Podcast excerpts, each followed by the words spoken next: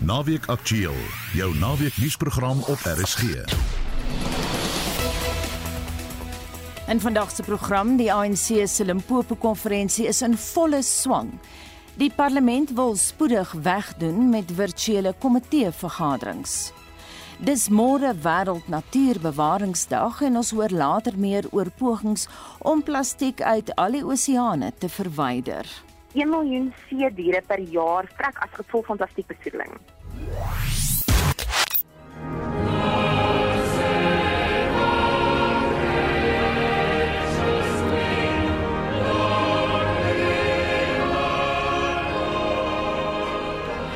Alle oë is die week op Brittanje gerig vir koning Elisabeth II se jubileum feesvierings.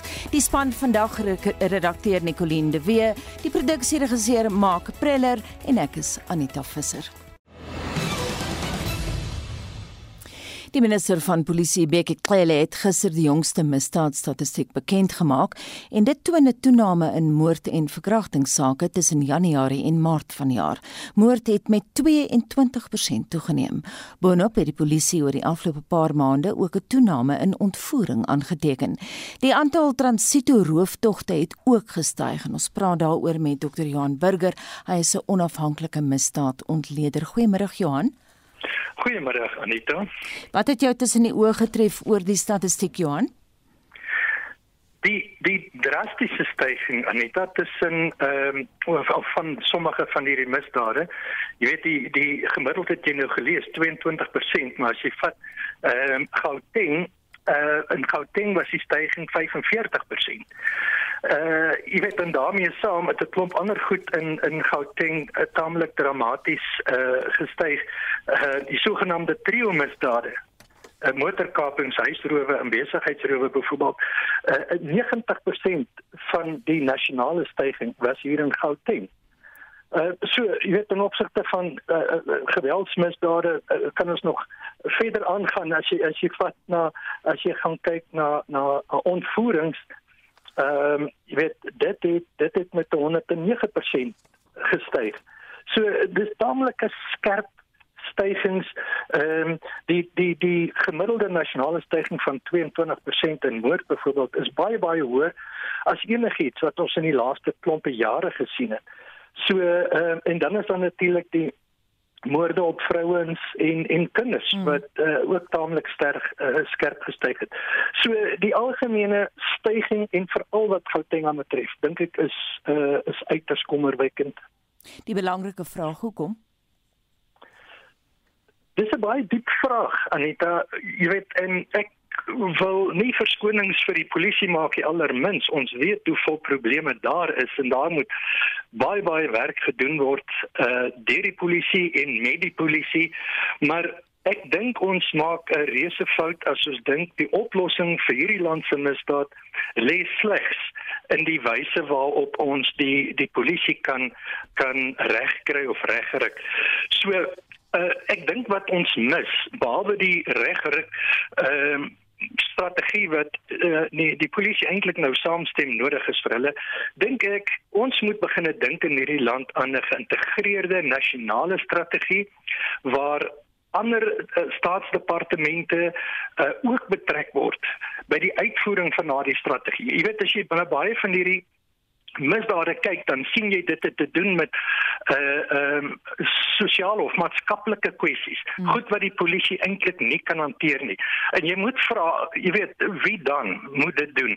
En ek dink departemente soos daardie en selfs uh, plaaslike regering moet ingetrek word om te kyk na sommige van hierdie drywers van misdaad. Ehm uh, jy weet, van baie van hierdie meeste van hierdie drywers van misdaad lê buite die bereik van die polisie en dit kan jy net doen as jy 'n uh, oorkoepelende nasionale en geïntegreerde of integrerende strategie het en ons het nie dit op die oomblik in hierdie land nie. Ja, nou kom so baie ontvoerings. Hoekom neem dit toe? Ja, jy weet ek dink die ontvoerings ehm uh, hou verband met met 'n klomp goed. En as jy gaan kyk na die polisie eh, se se analises en ek moet sê hierdie ouens doen nogal baie goeie uh uh, uh analises in terme van van die misdaad, dan dink ek baie mense maak die fout om te dink uh as die uh syfers vir ontvoering aangedui word. Ons praat hier net van uh gevalle waar losprys geëis word.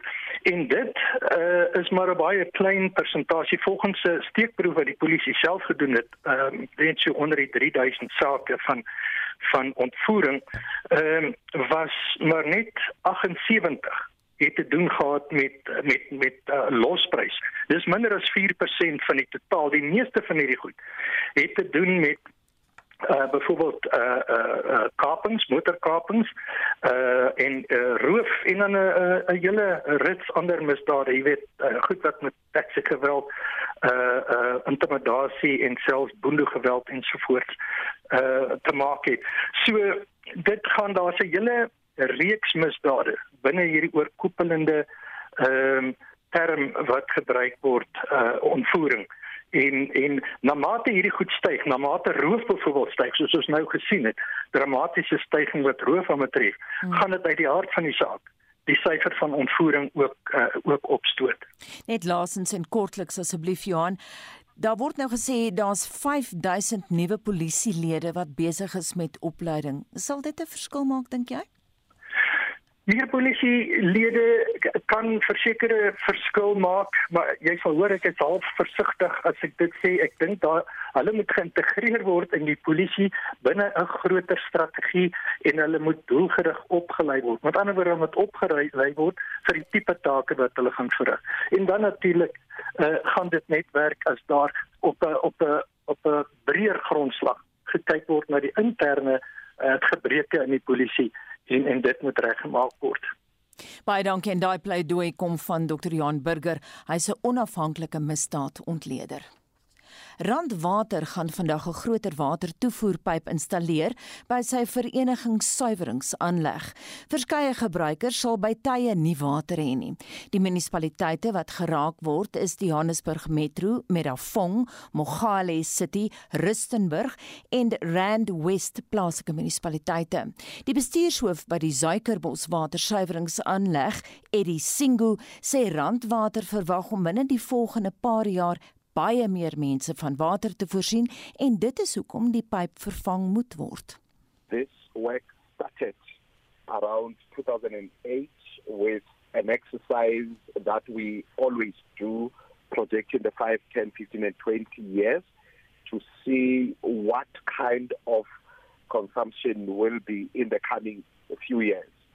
So the outcome of that exercise was that around 2024, 2025, the area around your Renbeck, Frankisfontein, Belgefueren Park will be growing, meaning that our current pipeline, which is the F34, which is our old pipeline, which it is 1,000 millimeter in diameter, will not be enough.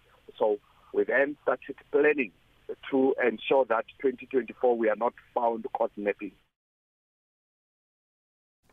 En so sê Eddie Singo, hy is bestuurshoof by die Suikerbos suiweringsaanleg van Randwater.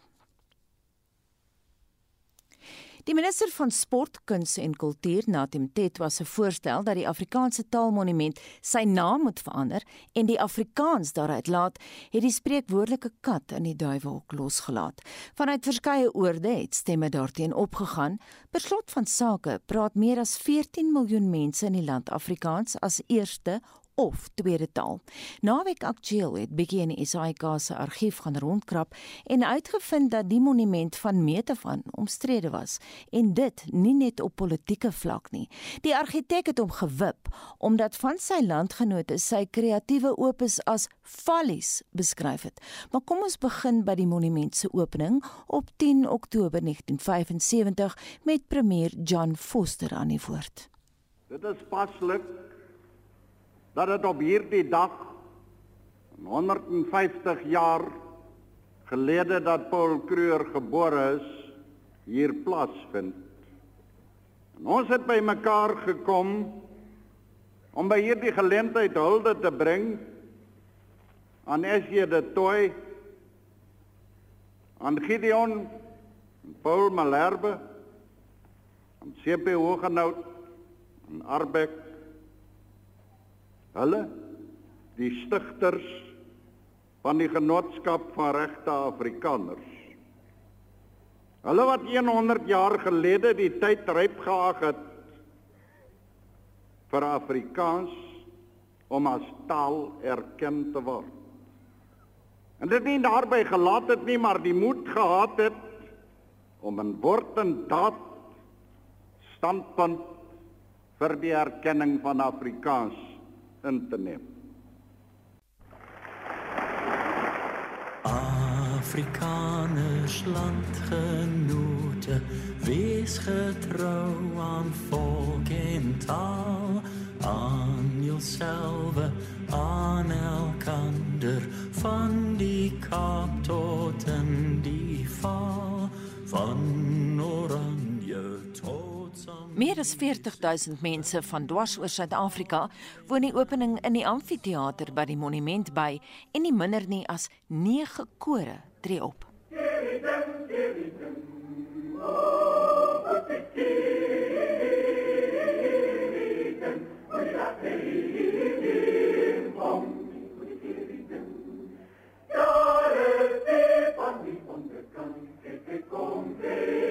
omdare ti, quanti omnes cor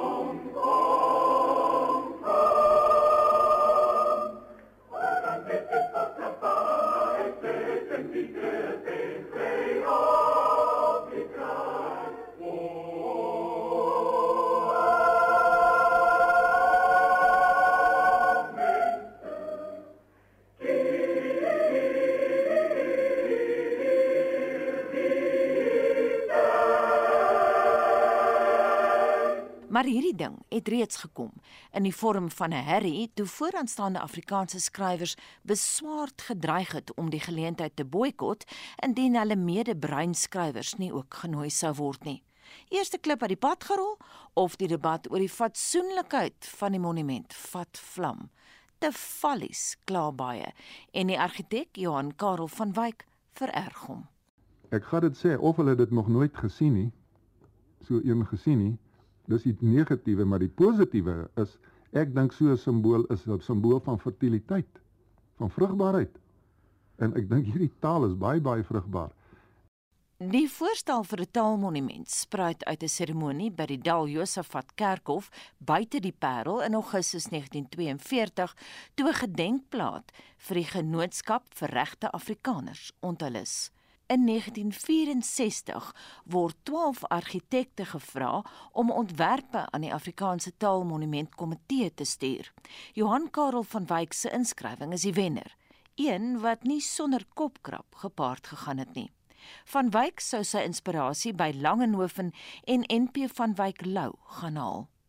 Nou vra mense, maar wie is nou wat? Watter taal kom nou waar?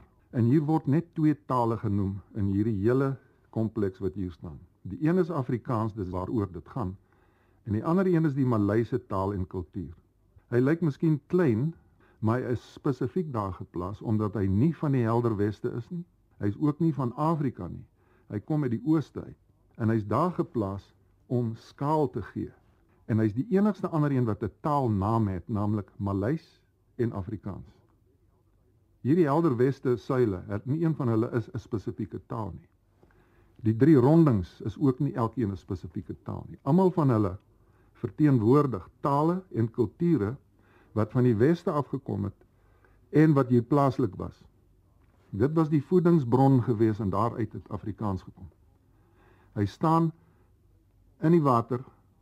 Hy kry die son van bo en hy staan in die bodem van Afrika van Suid-Afrika. Dis waar hy ontstaan het. Nou hoekom 3? Daar was baie meer as 3 westerse tale en kulture. Baie meer as 3 plaaslike inheemse tale en kulture, maar hoekom 3? Juist dit, die onverdeelbare 3. Sodat mense nie kom en begin verdeel nie en begin sê ek is dit en ek wil dat en dit is vir my en ek haat dit. Dis 'n onverdeelbare 3. Maar miskien verwoord die sanger Chris Chameleon die gees van Afrikaans eenvoudiger en in pas met die taal van ons tyd. Om hom aan te haal, die nooi wat haar Europese skoene daar aanderkant uitgeskop het, Indonesiese sokkies aangetrek het en haar vellies en in Afrika kom vasmaak het, hierdie skat wat ons Afrikaans noem. Helaas het argitek Johan Karel van Wyk destyds al moeilikheid verwag. Miskien het die ontsiering van die monument met graffiti iets met die voorspelling te doen gehad. Ons het geweet een of ander tyd, ek het geweet een of ander tyd moet iets plaasvind want so iets soos hierdie wat 'n unieke ding is, kan nie alleen gelaat word nie. Erns gaan iemand omvat en hom kritiseer of wil opblaas of wil verskuif of iets aan hom wil laat doen. En ek dink dit kan net al beter wees vir Afrikaans. Hoe meer mense oor hom dink, hoe meer mense hom praat, hoe lekkerder, hoe meer hulle hom kritiseer, hoe meer gaan hulle van hom hou, hoe meer gaan hulle sien hier is daarom iets soos NP van Wyk Lou gesê het. Hier is iets wat nie niks is nie. Baie goed gesê dit dan die stem van die argitek van die Afrikaanse Taalmonument, Johan Karel van Wyk, wat in 2005 oorlede is. En ons bly by die herrie en die parel. Die man wat nou met die vuurwarm taalpatat in sy skoot sit, is die direkteur van die Afrikaanse Taalmuseum en Monument, Michael Jonas. Hy het sy eerste reaksie op minister Mtetwa se pleidooi vir 'n naamsverandering met Naweek Aktueel gedeel. Dit het gekom soos koue water, jy weet. uh aanvanklik was ons baie verbaas geweest. Ons fokus is uit en uit om almal in te sluit. Dit was inderdaad 'n groot skok geweest omdat ons so onsself beywer en streef daarna om die instelling te posisioneer as 'n dinamiese instelling wat inklusief inklusiewe werk doen onder alle sprekers van Afrikaans tweetaalsprekers ook. En die sprekers is baie. Volgens Statistieke Suid-Afrika se laaste sensus praat 7,5 miljoen sprekers Afrikaans as eerste taal en dieselfde getal is Afrikaans tweede taalsprekers. In Suid-Afrikaanse huishoudings word Afrikaans die derde meeste in die land gepraat, naas Zulu en Xhosa. Boonop is Afrikaans die inheemse taal met die grootste rassediversiteit in Suid-Afrika en daardie sprekers is boos die reaksie was oorweldigend geweest. Nie net by die openbare vergadering nie, maar ons het hoope e-posse gekry, protesbriewe, petisies, boodskappe van ondersteuning.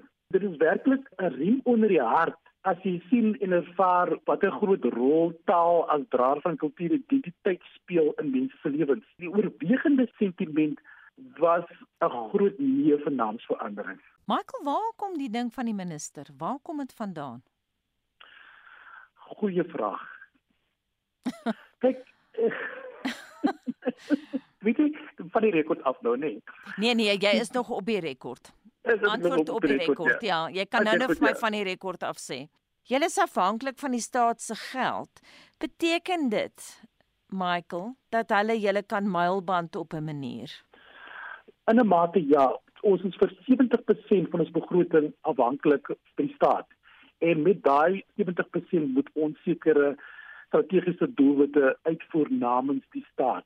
Een van die grootste kwessies wat die instelling vir die volgende paar jaar in die oë gaan staar, is natuurlik die implementering van die wetskrif op vir kunskultuur en erfenis wat in doel het om val die erfenislandskap te transformeer en dit kan moontlik lei tot 'n uh, samesmelting met ander publieke entiteite. So voorspel die direkteur van die Afrikaanse Taalmuseum en Monument in die Parel, Michael Jonas. Jonas is besig om 'n amptelike skrywe aan minister Mtetwa te formuleer om verskeie kwessies te bespreek. Die publiek is genooi om insette te lewer wat daarbey gevoeg sal word. Elisabeth tweede is van die jaar 70 jaar lank monarg, die langsdienende vors in die Britse geskiedenis.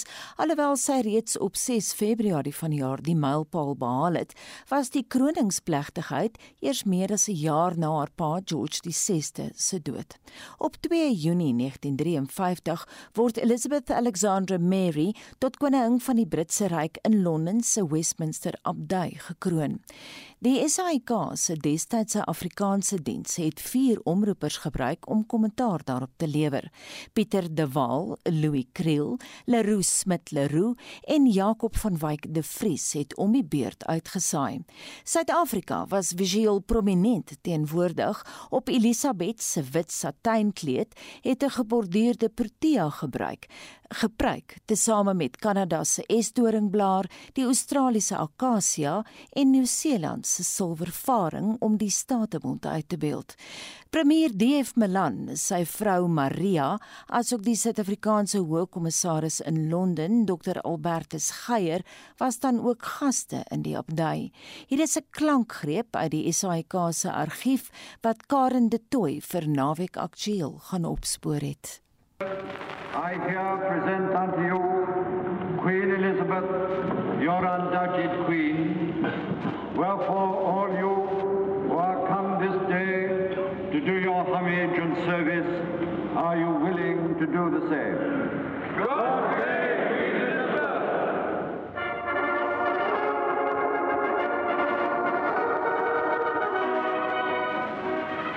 Die koningin wat opgestaan het om haar aan haar volk te toon tijdens die voorstelling, het nou weer gaan sit.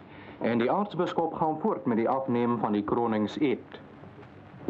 Madam, is your majesty willing to take the oath? I am willing. Will you solemnly promise and swear to govern the peoples of the United Kingdom of Great Britain and Northern Ireland, Canada, Australia, New Zealand, the Union of South Africa, Pakistan, and Ceylon, and of your possessions and the other territories to any of them belonging or pertaining, according to their respective laws and customs. I solemnly promise so to do. Will you, to your power, cause law and justice in mercy to be executed in all your judgments? I will.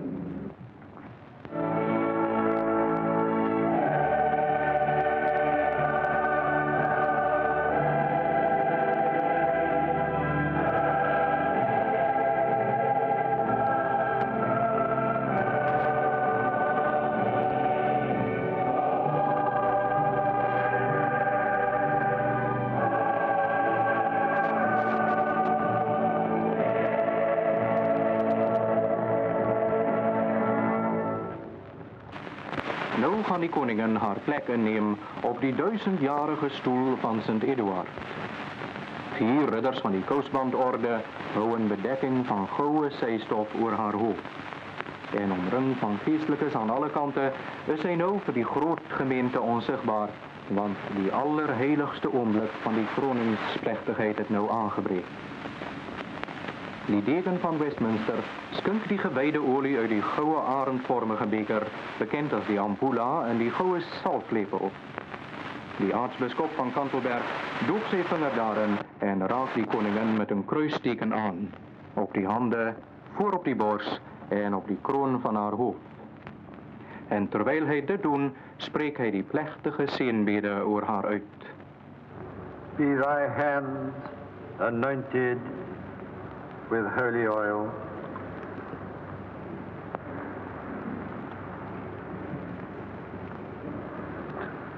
Be thy breast anointed with holy oil.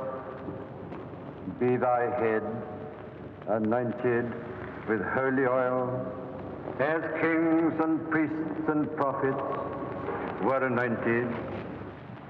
Nou is die vorstelijke gesalfde een koningin in die hoogste geestelijke zin. Die ridders van die kouseband het die bedekking verwyder en sy is nou weer vir almal sigbaar.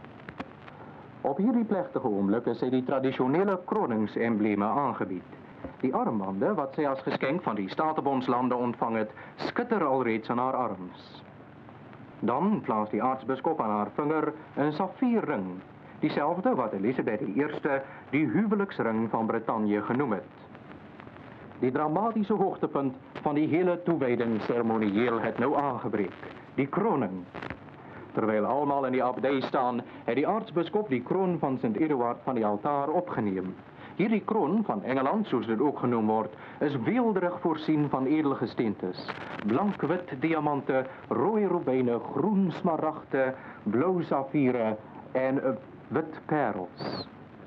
Die aartsbiskop plaas hierdie kroon eerbiediglik op die vorstin se hoof met hierdie woorde: O God, the crown of the faithful, bless we beseech thee this crown, and so sanctify thy servant Elizabeth, upon whose head this day thou dost place it, for a sign of royal majesty, that she may be filled by thine abundant grace with all princely virtues, through the King eternal, Jesus Christ, our Lord.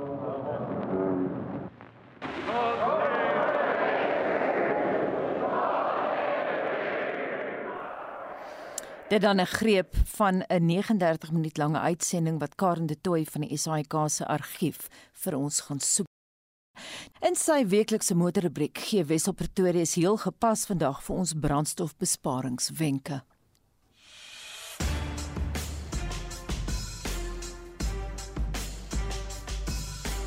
Toyota Suid-Afrika se aanleg in Durban is erg beskadig deur die verwoestende oorstromings en kan steeds nie voertuie vervaardig nie. Slegs produksie van sy Hino vragmotors kon einde verlede maand weer aan die gang kom. Dit nou bo en behalwe al die onderbrekings in die wêreldwye voorsieningsketting. Toyota se verkope was verlede maand 34% laer as April maand sin en 'n volle 125% laer as sy rekordverkope in Maart vanjaar. Suid-Afrika se uitvoere is ook kwaai geraak deur Toyota se situasie. 30% minder voertuie is verlede maand uitgevoer vergeleke met Mei verlede jaar. Tog was Toyota steeds die topverkoper verlede maand, hoofsaaklik danksy die modelle wat hy invoer. Net 'n kort kop agter Volkswagen in die tweede plek was Suzuki wat weer 'n rekordmaand beleef het met 4331 eenhede. Boonop het Suzuki die meeste passasiersvoertuie verlede maand verkoop, 4250. Daarteenoor het Toyota en Volkswagen elk net minder as 4000 eenhede verkoop. Daar stop dit nie. Suzuki se Swift was dan ook die beste individuele verkoper met 1764 eenhede. Die Ford Ranger was tweede en die Toyota Hilux wat altyd koning kraai, die slag in die derde plek. Vierde algeheel was Hyundai, gevolg deur Ford, Renault, Nissan, Kia, Haval en in die 10de plek Isuzu. Ek het 'n brief ontvang van Ben van Staden van Kreersdorp. Hy skryf van dese week se petrolstygings kom as 'n groot skok want hy pendel daagliks meer as 100 km werk toe en terug. Hy skryf: "Gelukkig is my Kia Rio redelik lig op petrol, maar gee asseblief wenke hoe mens petrol kan spaar." Ben, ek doen dit graag want ek dink dis maar vir alle motoriste 'n skok en 'n aanpassing om te maak. Eerstens moet jou voertuig gereeld gediens word om so doeltreffend moontlik te loop. Die korrekte banddruk is belangrik want papperige bande verhoog verbruik en is boonop onveilig. Ben jy noem nie of jy snelweg ry nie, maar verminder jou spoed. 100 km/h maak 'n noemenswaardige verskil teenoor 120 en probeer die toere laag hou. Dieselvoertuie gebruik sowat 25% minder brandstof as hul petrol ewe knie. Maar die aanvangsprys is hoër. So turbo diesel maak eintlik net sin as jy baie kilos af lê. Elektriese voertuie is ongelukkig peperduur in Suid-Afrika. Maar ons kry nou al hoe meer hibriede voertuie wat veral 'n sinvolle opsie is indien jy baie in die stad ry.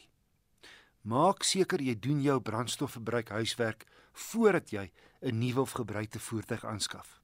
Hou in gedagte dat fabrikate se verbruiksyfers byna altyd optimisties is en dat jy tipies 10 na 20% meer gaan gebruik as die syfer wat 'n vervaardiger gee. Kruisvoertuie is die inding, maar is minder aerodinamies as die luikere waarop hulle gebaseer is en gebruik meer brandstof. In 'n dakrak en daktent verhoog die lugweerstand. Haal af wanneer nie in gebruik. Beplan jou reise, probeer om verskeie take met een trip af te handel. En wanneer jy langer as 30 sekondes vir iets of iemand wag, skakel die enjin eerder af indien jou voertuig nie 'n uh, stop rystelsel het nie. Stadsverkeer maak jou voertuig dors omdat jy so dikwels moet rem. Dis nou behalwe as jy 'n elektriese of 'n hibriede voertuig ry wat die remkrag gebruik om die battery te laai. Dink vooruit, dis onnodig om op 'n rooi lig af te pyl. Gebruik die ligversorging net wanneer nodig en moenie onnodige gewig saamkarwei nie. Indien jy weer na hierdie wenke wil luister, elke week se motorrubriek is as 'n potgooi beskikbaar. In vandag se program sal teen maandag gelaai wees. Motornavraag kan na my ge-e-pos word. My adres is wissel@rsg.co.za. Vandag 33 jaar gelede het een woord wêreldnuus oorheers, Tiananmen. Die plein in sentraal Beijing waar minstens 10000 Chinese studente deur hulle eie weermag gedood is weens hulle oproep vir demokrasie en hervorming. Naweek aktueel het deur middel van die BBC en die SAK se klankargief die historiese gebeure herontdek.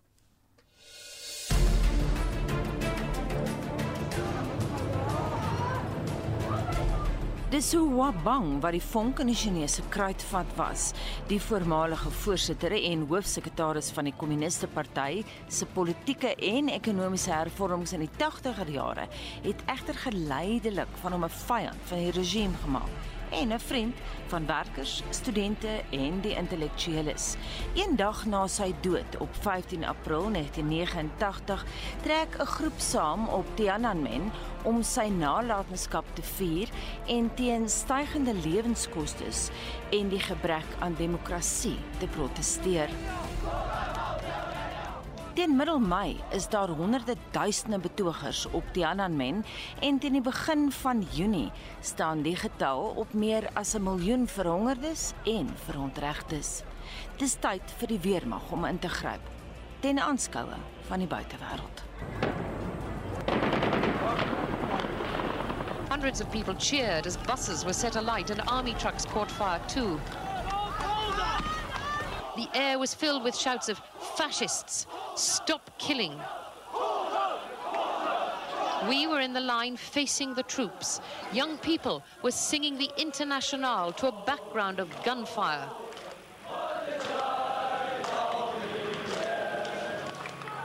After hours of shooting and facing a line of troops, the crowd is still here. They're shouting, stop the killing and down with the government. The young man in front of me fell dead. I fell over him. Many were terrified, saying there would be retribution. Tell the world, they said to us. Ook in Washington neem president George Bush, wat voorheen die Amerikaanse ambassadeur in Beijing was, deeglik kennis van die drama. President Bush moes egter binne die eerste 5 minute reageer op 'n vraag rakende Suid-Afrika. Does your uh, support of, of human rights and uh, democracy extend to other places in the world like South Africa, the West Bank, where they've been fighting a lot longer than in China? Yes, it does. Oppression? It certainly does. President Bush het gesê sy besorgdheid oor menseregte is universeel en hoewel Amerika nie gaan probeer om die wêreld te herskep nie, staan die land vir bepaalde menseregte beginsels. Die president het hierna kortliks 'n antwoord op die vraag op Suid-Afrika gefokus. Let me say, you mentioned South Africa. Absolutely. Appalling apartheid must end. President Bush, wat tydens die aanloop tot sy verkiesing politieke gewin gemaak het uit sy vorige ambassadeurskap in China en sy vriendskap met die Chinese leiers, het die skendings van menseregte in China sterk veroordeel en sy persoonlike teleurstelling daaroor uitgespreek. Die president het gevra of hy probeer het om persoonlik kontak te maak met China se leiers. President Bush het gesê dat hy vandag nie daarin kon slaag om met enige van China se politieke leiersfigure telefonies in verbinding te tree nie. Uit Washington, Jannie Botha vir Monitor. Een man word die simbool van Tiananmen, die figuur wat 'n tank op 5 Mei 1989 uittart. Weereens ten aanskoue van die wêreld se veteraan joernaliste. Die onbekende individu word deel van politieke popkultuur en staan nou bekend as Tankman. Oor sy identiteit word vir dekades bespiegel. 'n Argeoloog vanuit Hong Kong sê een steeds lewend, maar veilig buite China se grense, raai 'n ander, terwyl nog 'n groep beweer hy's doodgeskiet deur die regime. Die punt is, sy dapperheid baar 'n muis. Oud kollega Dianke Nel wat vir 2 jaar in China onderwys gegee het, sê daar's min tekens van demokrasie of vrye spraak. My vriende het nooit uit hul eie oor die regering of politiek gepraat nie en ek was bewus van die sensuur wat die regering toepas. So China het al eie weergawe van sosiale netwerke. Vir die inhoud van hierdie netwerke word deur die regering gemonitor vir sleutelwoorde en sulke inhoud sal dikwels dan net verdwyn. Toe ek Tiananmen plein besoek het en 'n vriendin uitgevra het oor die destydse leier van die kommunistiese revolusie in China, Mao Zedong, het gesê hy was wonderlik en China se beste leier. 'n Stukkie van die plein kan ook by Mao se gebasene liggaam in 'n mausoleum by die plein. Hulle staan gewoonlik in toue vanaf die vorige aand tot die volgende dag om net vinnig by hom verby te kan loop om eerbied aan hom te betoon. Maar um, ek moet sê ek het die gevoel gekry dat hulle nie daarvan bewus was dat hy verantwoordelik was vir die dood van miljoene mense tydens die Great Leap Forward veldtog van 1958 tot 1962 nie. En ek onthou ek dit vir my vriendin neem, het sy met my begin stry en sy wou nie die historiese feit eintlik aanvaar nie. Ek dink sy het aansteek geneem. So ek sê die Chinese het baie eerbied vir die regering en is gefokus op 'n kollektiewe kultuur eerder as op die individu. Hoe ironies dat Tiananmen wat poort na hemelse vrede beteken, soveel bloed sou baar.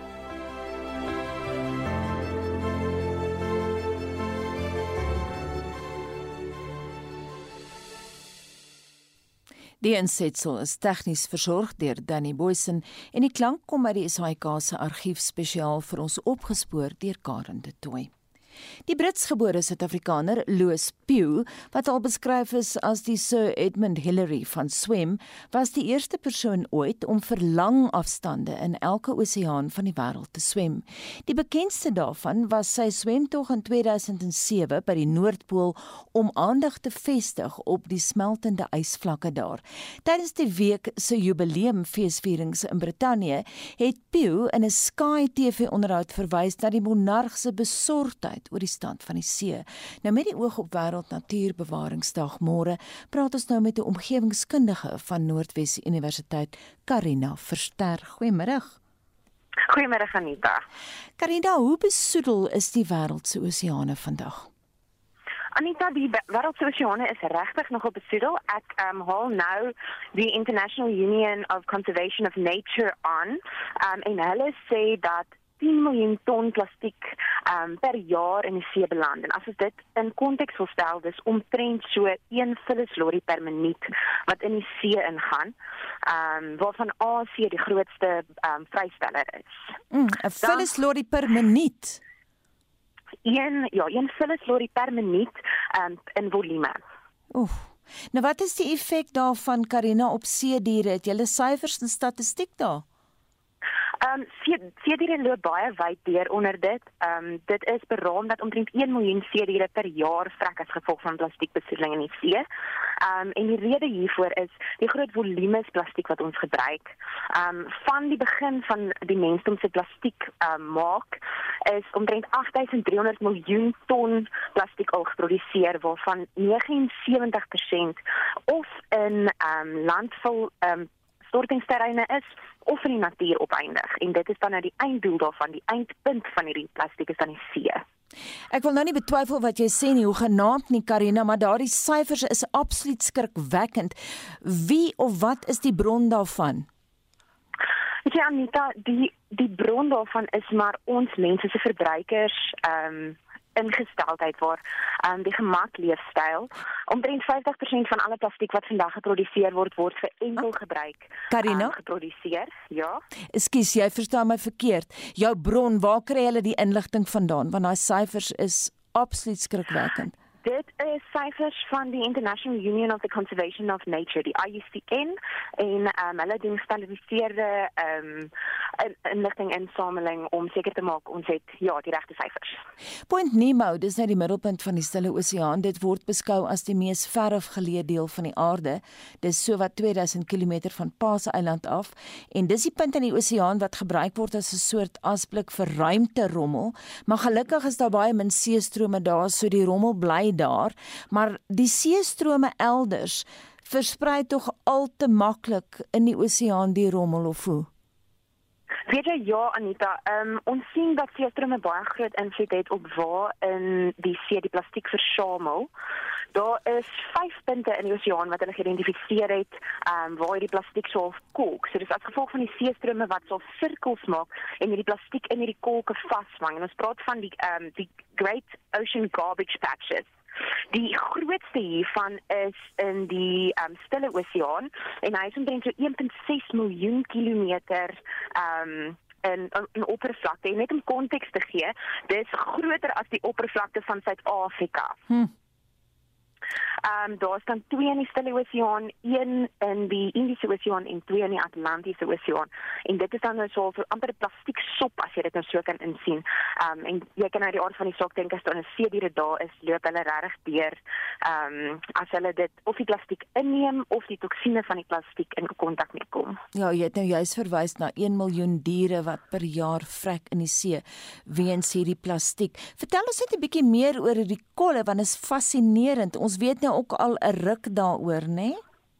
Ja, so daarvan. Ehm um, inisiatiewe om dit te probeer ehm um, opruim as ek dit net so kan stel.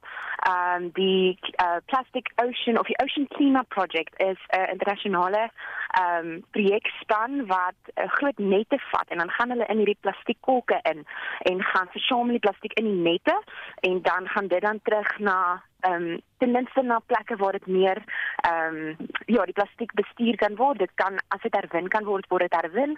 Andersins gaan dit dan ook na stortingsterreine toe, maar hulle probeer dan die see so skoon maak. Maar wat ons gevind het, is dat net 1% van die volume van plastiek wat veronderstel is om in die see te wees op grond van ehm um, die plastiek wat geproduseer is, is in hierdie um, in hierdie kolke. So die res moet eers wees. En um, wat hulle bevind het is hierdie eers is op die seebodem. Mm. Die seebodem is 'n baie groot, kan ons maar sê, sink vir plastiek. En ehm um, ons kan nie eintlik daar, dit is verskriklik diep. So ons kan dit nie daar kry nie. So dit gaan daar wees basies vir ewig. So die les wat ons hier leer, ons moet almal minder plastiek gebruik. Ehm um, dit is presies wat jy daar sê. Dit is 'n liedjie wat ek ek dink jy's op SLWC stasie gehoor het ek baie klein was en dit het my bygebly. Reduce, reuse, recycle is wat ons die, die waste hierarchy van praat. So die eerste stap om plastiekverbruik te verbeter is om dit te verminder, om minder plastiek te gebruik. As ek 'n opsie het om ietsie ekstra te vat en dit is nie nodig vir my om dit te vat nie, om dit eerder te los En dan die tweede opsie is dit wat ek dan nou wel gebruik het, dit wat ek dan nou moes gebruik, wat ek dan eerder hergebruik in plaas van 'n nuwe een vat. En as die die hergebruik leeftyd daarvan verby is, om dit dan eers te herwin. So dis waar herwinning inkom. Die eerste stap is om te verminder. Vertel ons 'n bietjie van ander uh, ek weet jy is op die oomblik besig daarmee om vlakke van water uh, te toets. Uh, om te kyk na plastiekbesoedeling, jy kyk na Noordwes, jy kyk na Gauteng en jy kyk na die stand van ons riviere. Wat vind jy daar? Hoe besoedel is ons riviere met plastiek? Weet jy Anita, ons riviere is redelik besoedel. Um, ons riviere se besoedelingsvlakke. Ek kyk spesifiek na mikroplastiek. So mikroplastiek is groter stukke plastiek wat afbreek na um, na mikroskopiese vlakke. So jy kan dit nie sien nie. So ons ons sien nog probleme van rommel wat langs riviere lê en in die strate lê, maar wat ons nie sien nie, is hierdie baie baie klein plastiekpartikels wat ook 'n toksiese effek op die omgewing het. En ek kyk na dit in ons riviere en daar is bitterlik baie daarvan. Ehm um, die vlakke in ons riviere is vergelykbaar met die groot besoedelde riviere in Europa soos die Rynrivier en die die Seine. Ehm um, so um, ons ons riviere is redelik besoedel en wat ons nou vind is dat baie van hierdie plastiek gaan lê in die sediment ehm um, van ons riviere. So ons rivier sedimente, ons rivier ehm um, beddings word so vir plastiek ehm um, plastiekmodder as ek dit maar so kan noem. Baie dankie. Ons sal later in die jaar weer met Karina praat oor die besoedeling van ons riviere in Suid-Afrika. Karina uh, liewer nie venter nie, Karina Verster en sy is 'n omgewingskundige van Noordwes Universiteit. En nou is dit tyd vir ons weeklikse fliekrubriek met Leon van Heerop. Thank you.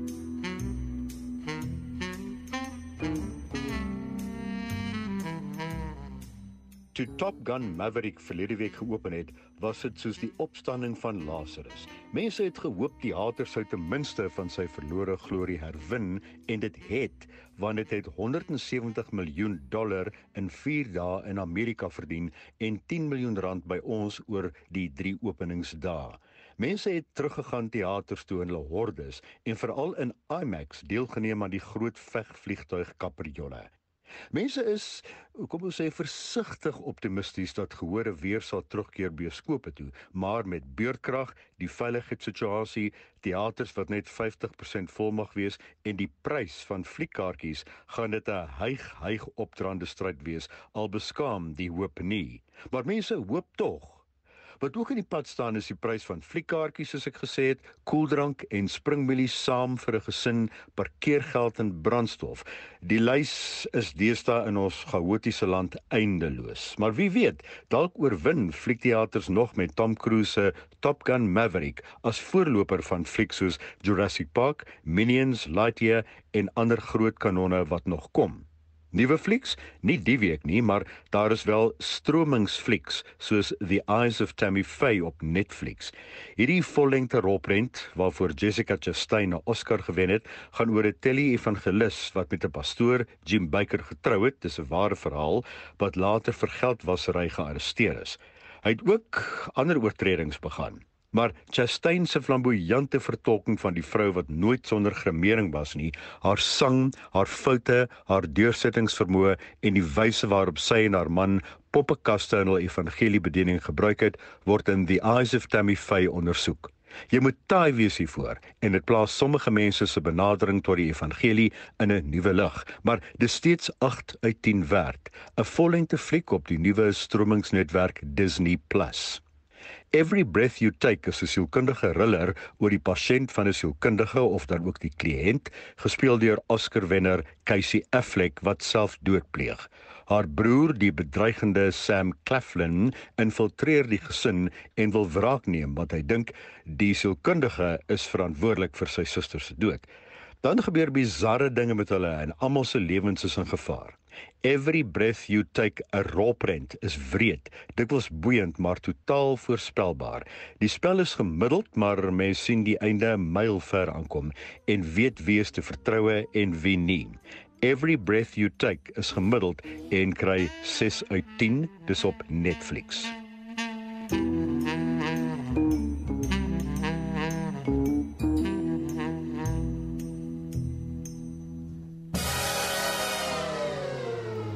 ons eie hooffliek vloei daar en uh, die span met groet namens ons uitvoerende regisseur en vandag se redakteur Nicoline de Wee, ons produksieregisseur Mark Preller. Ek is Anita Visser, maar soos eh, die gewoonte geword het hier op Naweek Aktueel, speel ons uit met musiek en hier is William Wolf met of liewer William Wolf met Droom. Ek ken jou storie goed genoeg. Jy weet is nodig om te hoor die die woorde